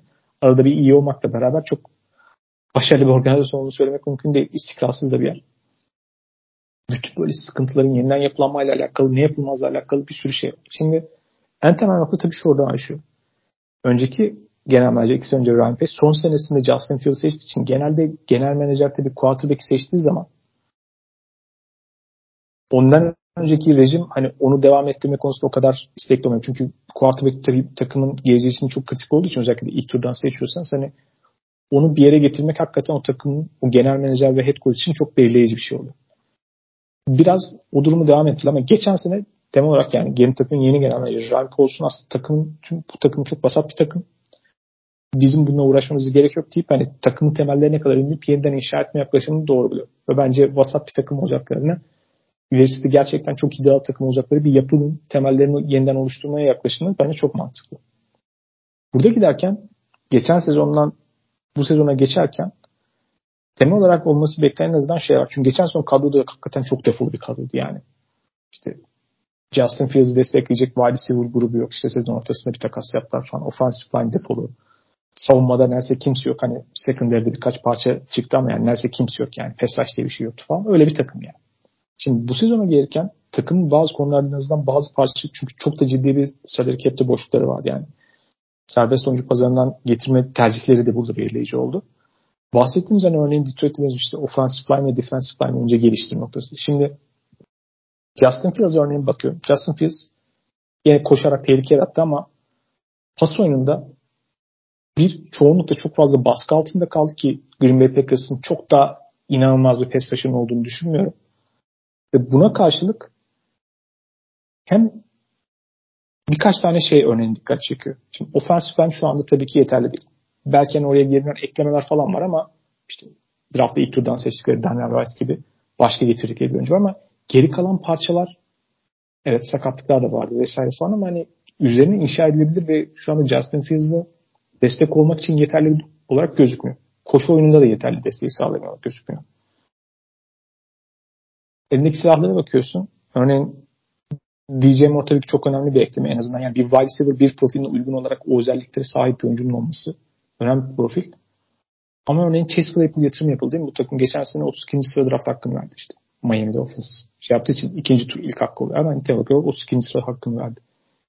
Chase Claypool'un görünen şu bütün o inanılmaz atletik ve fiziksel yani potansiyeline karşın genç bir quarterback'in yardımcı olacak oyuncu olmaktan o kadar uzak bir profil ki. 10 oyuncu, oyuncu Yani özellikle bu hafta bu maçta hatta bir tane pozisyon var. Bir tane screen pass alırken Keyshawn Nixon herifi adamı yani uçurdu. Öyle patlattı pozisyonu. Keyshawn Nixon adamdan bir kafa ve 15 kilo falan aşağıdadır yani. Packers'ın nickel corner'ı. Öyle bir durumdan bahsediyorum yani. Bir yandan o kadar eforsuz umursamayan ama bu tip oyuncuların ihtiyacı olan işte belli spesifik hani zamanlaması, doğru yerde bulunması noktasında doğru anda bulunmak gibi şeyler konusunda hassas şeyleri yapan doğru gerçekten kuartadaki yardımcı olacak bu gelişim aşamasında olan wide profilinde değil. Şimdi bu oyuncu için çok ciddi bir draft sermayesi harcandı. Başka bir sıkıntı. Şimdi en azından savunma tarafında üzerine inşa edilecek bir şeyin olması bekliyorsun ki takımın head coach'u Matt Eberflus da savunma koçu olduğu için daha öncesinde en azından o tarafı daha iyi toparlamak anlamında. Bu takımın şu anda hali hazırda PES taşında neredeyse pek bir şey yok. Ha, geçen sene çok daha kötüydü ayrı mevzu ama yani takımın yapılmış en kıymetli ekim hani drafttan gelen defense tackle dışında hazırlık kampının ortasında sadece pass rush fonksiyonu olan koşu haklarını da çok ortaya koymaktan çekineceğiniz yeni Gengaku'ya var mesela. O da tam bir şeydir yani. Yılmaz Vural gibi her bir takımdadır yani. Journeyman tabii. Tam öyle yani. Örneğin pass rush'a bakıyorsun orada bir şey yok yani öyle bir maçtı ki Jordan Love ben şöyle söyleyeyim yani PFF'in notunu söyleyeyim. Yani Jordan Love'ın bazı gelişmiş istatistikleri muazzam maçta ama Jordan Love'ın PFF notu şöyle söyleyeyim 60. Justin Fields'dan bile aşağıda. Sebebi de şu çünkü Jordan Love çok iyi falan değil. İyi bile değildi hatta. O kadar çok pas kaçırdı mesela. Ama Jordan Love mesela karar verici olan işte 3. haklar, 4. haklarda çok iyiydi. Neden? Çünkü cepin içerisinde beklerken işte tribünde annesine selam verdi, öbür tarafta koçlara selam verdi, onu bekledi, bunu bekledi, 6 saniye, 7 saniye bekledi, baskı yok. Bir tanesi oyuncu ön tarafta 10 yard mesafede, orta tarafta bomboş boşa çıktı sürekli. Ve onu bekledi yani. Hani bir ilk taştan pozisyonu var mesela. Ee, Romeo Dobbs bir yerde yanlış koştu. Çıkması gerektiği yere gitmedi. Gecikti. Bir saniye sonra gitti. Hani ona yetişecek zamanı vardı o pas atmak için. Şimdi rush'ın hani kötü. Okey. Ama sıkıntı şuradan geliyor takımın inşası noktasında. Bu takım savunmada şu anda yaptığı harcama dikkat edersen iki tane linebacker'e çok ciddi kontrat verdi. Çok ciddi kontrat. Ve bu iki linebacker'da baktığım zaman şimdi TJ Edwards geçen sene çok iyi bir sezon geçirdi. E, Philadelphia'da. Trayman Edmonds geçen sezonunda gördüğüm kadarıyla çok aman aman gözükmüyordu. Hani ünü fena olmayan bir oyuncu ama bu hoca ciddi bir ikisine birden kontrat eder. Linebacker genelde bir savunmada yapacağınız zaman en son hani geri kalan her şeyi tamamlayıp önce defensive line sonra secondary en sonunda linebacker'a geleceğiniz pozisyon. Bu takımda şu anda kadroda varsayabileceğiniz tek şey linebacker. Ki öyle bir defensive e, yani pass rush'ın o kadar eksik olduğu bir takımda oynandı ki bu iki oyuncunun pass coverage'daki pas savunmasındaki perform rakamları facia yani bu maçtaki. Bunun sebeplerinden bir tanesi bu. Çünkü bu oyuncular bir anda pas savunmasına mahkum kaldılar. Gerçekten yani o kontratlar verilmez mi? Ayrı konu. Linebacker kontrat verme konusunun risklerinden konuştuk daha öncesinde ama yatırım yapacağınız yer eğer burası ise yeniden yapılanmayan bir takımda çok ciddi bir soru Ve bir yandan bu kontratları veriyorsunuz. Takımda kendi draft ettiğiniz ve kendi tak, bir takımın kendi draft ettiği oyuncuya kontrat vermesi önemli bir şeydir. Yani takımın geri kalanının bütünlüğü ve oyunculara vereceği mesaj açısından. Dışarıdan getirdiğiniz oyunculara kontrat verirken kendi draft ettiğiniz oyunculara kontrat vermezseniz Jackson ve Jaguars'ın birkaç yıl önceki o Jalen Ramsey ile beraber patlaması gibi dağılması gibi patlamalar yaşayabilirsiniz. Rokan Smith'e bu takım kontrat vermeyi tercih etti. Rokan Smith acaba hani biraz daha acaba pas savunmasında yetersiz bir oyuncuydu. Acaba onu tercih etmediler diye ben düşünüyorum. Çünkü Chicago'da o tarafını belki pek kullanmıyorlardı. Baltimore Ravens'da gördük ki adam sahanın ortasını Kyle Hamilton'la beraber tek başına kapatarak bir anda Baltimore Ravens savunmasını 2 değil 3 belki çok daha fazla yukarı kademeye çıkardı. Demek ki o özelliği de var. Yani kendi içinde kontrat vermediniz. Bir oyuncuyu gidip dışarıdan çok ciddi kontrat ve iki tane oyuncu getirdiniz. O tarafta başka bir şey yok. Şimdi bütün bunların hepsini bir yana düşününce ve baktığınız zaman genel menajer böyle parça parça bazı şeyleri ekliyor. Bilmiyorum head coach'un kararı mı yapıyorsun çünkü Matt geldi işte oynattığı Indianapolis Colts'taki sistemine bakıyorsun. Köken olarak hani o linebacker'ların bir anlam ifade etmesi için önce defensive line'de bir şey olması lazım ve çok alan savunması ağırlıklı bir yapıda oynuyorlar her zaman. Alan savunmasının bir anlam ifade etmesi için gerçekten pass iyi olması lazım. Yoksa paramparça ederler anında. Belki o kadar uzun süre verirsiniz pass Aynen öyle bir senaryo oluştu. Yani genel menajerle takımın head coach'u aynı sayfada mı beraber bir şeyler oluşturuyorlar mı? Bunların hiçbirinden şu anda emin değilim ve gittikçe anlık öyle bayağı sıkıntılı bir yapı oluşacak. Yani bir takımda yeniden yapılanma nasıl olmaz o görüntüsü. Diğer tarafta Mete Wilfus'la beraber gelen hücum koordinatörü Luke Getz Green Bay Packers'tan geliyor. Şimdi Justin Fields göründüğü kadarıyla genel gerçek anlamda hani playmaker profilinde hakikaten özel şeyler yapabilen bir yetenek. Maçta da koşu oyunuyla zaman zaman cepten çıkarak çok iyi işler yaptığı zamanlar da oldu. Ama temel quarterback fonksiyonlarında 3. senesinde olan bir oyuncu olarak hala boş oyuncuya pas atamadığını, işte progression orada seçeneklerin aslında birden ikiye gidemediğini falan hala bu maç üzerinde bütün o yani quarterback olarak baskı altında olmakla beraber, pass rush baskısı altında olmakla beraber olan fırsatları da kullanamayan bir görüntü. Hücumun tasarımına bakıyorum. Arada koşmaya çalışan, koşamayan, koşamadığında neredeyse sadece yan taraflara yani yan pas yapan, oradaki check down'ları oynayan bir takım yani bir e, pas haritası var zaten Justin Fields'in maçta. 10 yardın ötesine 4 tane pas atmış. Bir tanesi zaten hediye olarak Quay Walker attı o inanılmaz göstere göstere attığı pick six pası. Yani her pas tanesi sadece yan pas attığı bir maçtı. Hiçbir hücum düzeni olarak kurgulama noktasında da ne takıma yardımcı olan ne de quarterback'e yardımcı olan bir yapı. Bu kadar şey bir arada genelde kötü olduğu zaman tek bir sebebi yoktur yani. Oyuncunun gelişim veya onun yetersizliğiyle alakalı durum işte tüm takımın oyuncu seçiminin sistemle uygulanması, tasarlanan oyun yapısına baktığım zaman gördüğüm şey. Yani hepsine baktığım zaman ben komple olarak her yerinde birbiriyle uyuşmaz ana prensipleri de çok belli olmayan bir yapı görüyorum. Hani ve günün sonunda Justin Fields'ın gerçekten ne olup olmadığını görmemizle alakalı bir test durumu olduğunu konuşmuştuk önceki bölümde. Justin Fields'a yani sezon sonunda kalması çok olası gözükmüyor çünkü Justin Fields'a hayır dokunacak bir yapı da yok burada.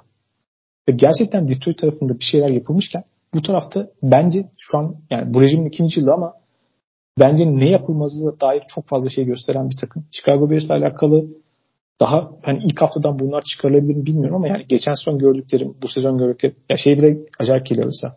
Justin Fields'ın yanında genelde muhtemelen bir tecrübeli yedek quarterback'iniz olması gerekir değil mi? Yani o anlamda. Ryan Pauls'un geldikten sonra iki yıldaki yedek quarterback'in Nathan Peterman. Kendisi ayrı bir üne sahiptir. Yani hani onun yanında ona destek olacak, yardımcı olacak, gerektiğinde bazı şeyleri öğrenmesi noktasında bu tip genç oyuncuların gerçekten veteran desteğine ihtiyacı olur. Mesela bir ilk yılında yok. Andy Dalton vardı işte. O da işte, bu rejimin getirdiği bir oyuncu değildi zaten. Aynen öyle mesela. O da acayip. Yani şimdi şey falan vardı bu yazın. Bence Chicago Bears'ın en iyi olayı o. İşte ilk turdan seçtikleri tackle Darnell Wright'ın normalde işte off-season programında işte rookie minicamp, OTA'ler vesaire falan işte Mayıs'ın başı ortasında falan bittikten sonra ondan sonra işte hazırlık kampına geçecek kadar yaklaşık neredeyse iki aylık bir süre boyunca arada hani onlara ayrı programlar veriliyor. Siz işte bunu uygulayın falan diye çalışma programı. Darnell Wright'a giden program yanlışlıkla veya onun uyguladığı program wide receiver programıymış. Adam 10 kilo mu ne kaybediyor mesela. Hani tamam kondisyon testlerinden daha iyi sonuç alıyorsun falan maşallah da ya gücünün çok kritik olduğu bir pozisyon ve oyuncu için o kadar kısa sürede o kadar kilo kaybetmek muhtemelen iyi bir şey değil. Şimdi normalde bu tip oyuncular da hepsinin spesifik kendi vücut yapılarına göre, kendi şeylerine göre çok spesifik programlar veriyor değil mi? Beslenme programı olsun. İşte e, yapacakları antrenman programı olsun. Siz pozisyonlara şey mi yani diyetisyenden mi kısıyorsunuz maliyet olarak da oyunculara hazır paket programlar falan veriyorsunuz. İnternetten aratın diyet verin abi o zaman yani hani organizasyonun her zaman yıllardır bu kadar bir vasat durumda ve kendine göre bir vasatlıktan çıkamama noktası da her zaman günün sonunda şeye geliyor. Yani takım sahipleri gerçekten bu işi ne kadar umursuyor. Yani Chicago Bears işte yeni stadı konuşuluyor. Muhtemelen bir nokta yeni stadlarını yapmaya başlayacaklar. Şu andakinden çok daha fazla para basacaklar. Ama gerçekten Chicago Bears organizasyon olarak bir yere gelir mi? Rekabetçi bir takım haline gelir mi? Yani karambolde arada belki bir iki sene gelir. İstikrarlı olarak o takım olabilir mi? Çok zor yani bence bu yapıyla. Hani çok karamsar bir tablo çizdim ama Chicago Bears'la alakalı geçmiş deneyim ve şu iki sene, iki üç sene içerisinde gördüğüm hamlelerin hep tutarsızlığı vesaire hepsi bakınca bu takımda şeyin sembolü bence. Yeniden yapılanma nasıl yapılmaz? Benim gördüğüm bu. Sen söylenebilecek her şeyi söyledin zaten. Ee, New York Jets'taki quarterback sorununun bir benzeri aslında Chicago Bears'ta da var ama Chicago Bears'ınki daha çok o quarterback'i bulamayan yönetimle alakalı. Yani yıllar geçiyor. Bu takımın işte başına farklı genel menajerler, farklı rejimler, farklı koçlar vesaire geliyor ama bir türlü o e, yönetimsel beceriyi gösteremiyorlar. Chicago Bears'ta da öyle bir lanet var sanki. E, geçtiğimiz hafta bahsetmiştik e, bizim için öne çıkan sezon hikayelerinden ve Justin Fields da Chicago Bears'ta o maddelerden bir tanesiydi. Yani zaten sezona gelirken inanılmaz bir hype vardı. Bunun birçoğu Chicago medyası tarafından olsa da işte hem Justin Fields'ın bu sezon sezona nerede başlayacağı hem de Chicago Bears'ın görece daha e, rekabete açık hale gelen e, NFC Kuzey Konferansı'nda ne derece mücadeleci olabileceği büyük merak konusuydu ve beklentiler de yüksekti açıkçası. E, tabii ki daha sezonun ilk maçı çok net bir yargıda bulunamasak da ortaya konan oyun ve bunun verdiği hissiyat çok kötü. Aslında tabii ki kimse e, Chicago Bears'tan çıkıp bu sezon Super Bowl'u kazanmasını ya da net bir şekilde playoff takım olmasını beklemiyordu. Ancak bu kötü oyun Justin Fields'ın hala aynı noktada seyretmesiyle çok daha kötü bir hal aldı. Yani buradaki asıl sorun Chicago Bears'ın e, Green Bay Packers'tan fark yemesi değil. Onu zaten her sene yapıyorlar neredeyse. Ya da açılış maçında Green Bay Packers'a mağlup olması değil. Kendisi aslında daha iyi olsa. Buradaki asıl sorun kötü oynarken Justin Fields'ın da geçtiğimiz yılki konumundan bir adım bile ileri, ileri atmamış gözükmesiydi. Bu ciddi bir sorun. Çünkü e, Justin Fields bir noktada MVP için yarışabileceği bile beklenen bir oyuncuydu. İnanılmaz bir e, gelişim bekleniyordu bu sezon. O e, zıplayışı, o adımı atması bekleniyordu. İlk hafta itibariyle bunu hiç göremedik. Bu çok büyük bir sorun tabii ki. Ee, öte yandan takım yapılanmasındaki e, mevzulara gelecek olursak çoğunda sana katılıyorum. Hatta hepsinde sana katılıyorum. San Francisco 49ers örneğini tam tersinden anlamış bir takım Chicago Bears gerçekten de. Yani dediğim gibi sezonun başı ve çok yeni bir takım. Hani gençliğini bir tarafa bırakıyorum. Şimdi e, takımın e, depth chartını açtığımda önüme işte savunmaya bakıyorum mesela Demarcus Walker bu sezon geldi. Andrew Billings bu sezon geldi. Yannick Ngakwe bu sezon geldi. Yani defensive line'deki 4 starter'ın 3'ü bu sezon takıma katılan oyuncular ve bunların e, mevcuttaki diğer starter Justin Jones'la birlikte dördünün kalitesi ciddi derecede tartışılabilir ve ligdeki belki de en kötü defensive line dörtlüsü bu diyebiliriz. Yani bu haldeyken senin gidip en çok parayı vermen verdiğin iki oyuncunun linebacker olması gerçekten anlaşılamaz bir durum. Yani Detroit Lions'ta bahsettik. Ee, onlar da ilk turdan linebacker seçtiler ama Detroit Lions onu yapabilecek esnekliğe sahip. Senin savunmanda hiçbir şey yok. Kaldı ki takımında hiçbir şey yok. Gidip yani çok lüks bir harcama olarak duruyor buraya iki tane linebacker getirmek ve bu paraları ödediğin linebackerların en azından çok daha yönlü Hani sadece tek bir şeyden ziyade birçok şeyi iyi yapmasını beklersiniz ama o Aaron Jones'un touchdown'unda e, TJ Edwards arkasından dumanı yuttu. Yani hiç onunla rotada koşamadı. Hiç birlikte kalamadı. Abi adam çok o kadar boş koştu ki çok acayip bir şey. Boşluktan hızlanırken etrafında şaşkınlıkla beraber adamın lifi attı. evet o da talihsiz bir an oldu gerçekten. o kadar boş yani. ya dediğim gibi çok yeni ve bir araya yeni getirilmiş bir takım bu. Özellikle savunmada yani e, secondary'yi bir kenara koyarsak ön tarafın hepsi neredeyse yeni oyunculardan oluşuyor ve bunun e, bir araya gelmesi illaki zaman alacaktır. Ama ne kadar bir araya gelseler bile ortaya kaliteli bir şey çıkacak. O konuda benim de çok e, parlak bir düşüncem yok açıkçası. Ben de karamsarım o konuda. E, koç ekibinin de yeni olması tabii ki bu uyumu biraz daha uzatabilecek bir durum.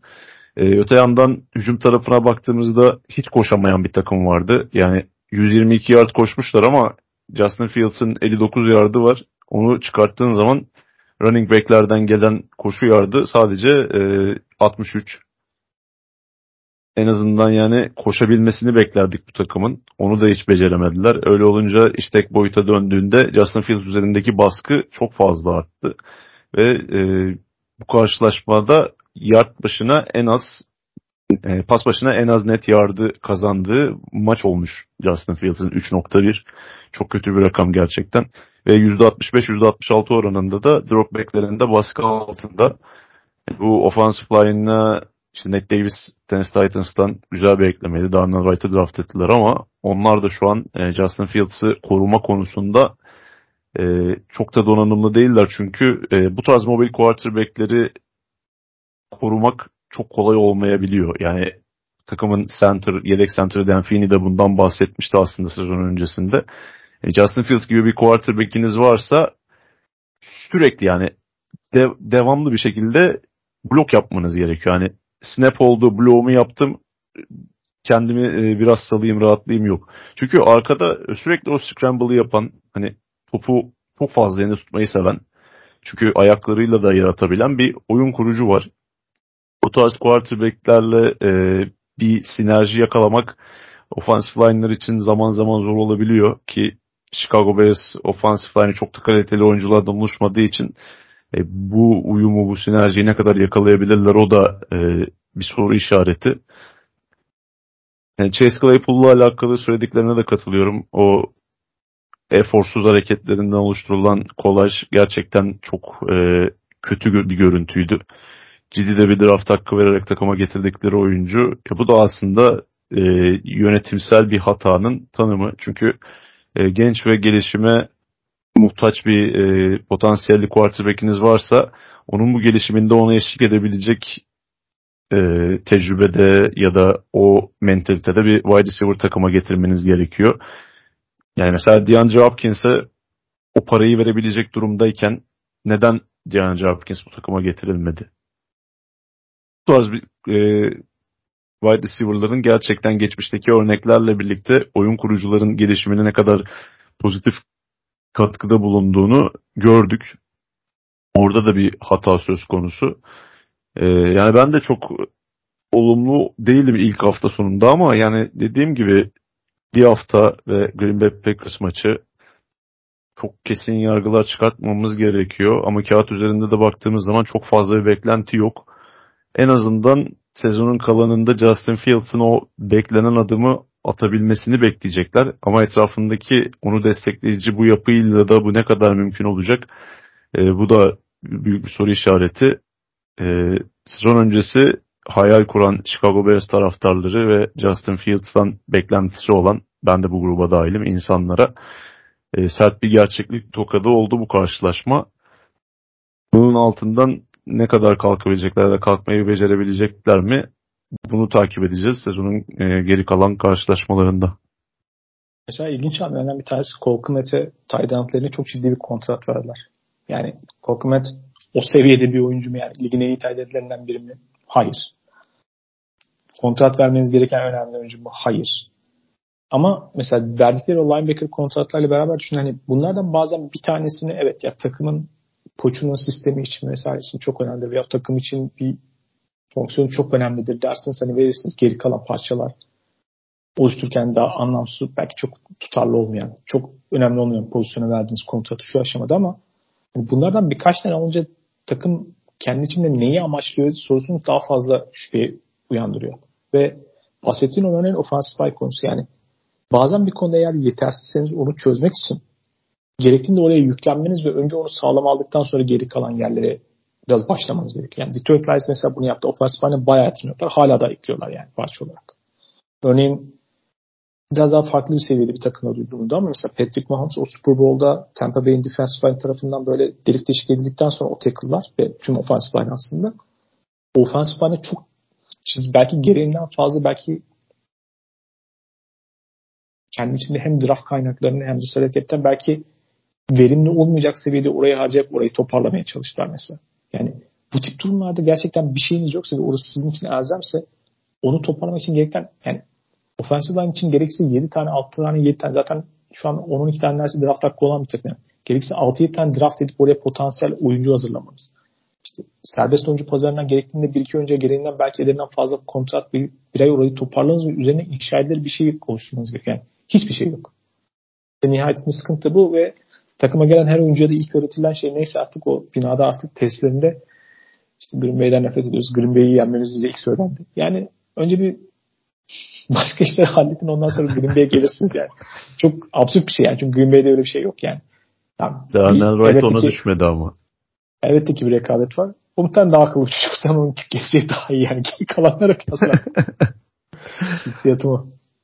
Yalnız bu Taylandlara gereksiz kontrat verme olayı kuzeyde bir trend haline geldi herhalde. Çünkü TJ Atkinson'a Minnesota Vikings'in verdiği anlamsız rekor Tayland kontratı, Colquitt'in kontratı vesaire. Ya bu kontratlar bir de yani sakatlığının takımdaki etkisinin görüldüğünü düşünürsek yani geri kalan wide receiver'ların durumu gözüktü ya Kansas City'de. Mesela Travis Kelsey şu anda bir holdout'a başlasa kaç alır kontrat? Yani bu geri kalanlara baktığınca Travis Kelsey önemine göre asgari ücret oynuyor falan dersin yani NFL şartlarında. Düşün bile onu. En çok kazananın 5 katını getirin bana dese el mahkum abi. evet. Kemal başka eklemek istediğin nokta? Ee, bu podcast boyunca birden fazla kez tekrar ettiğimiz üzere yine aynı şeyi söyleyeceğim. Şeneyenlerden de bahsetmişken Mike Şeneyen'in e, bolca söylediği bir şey bu.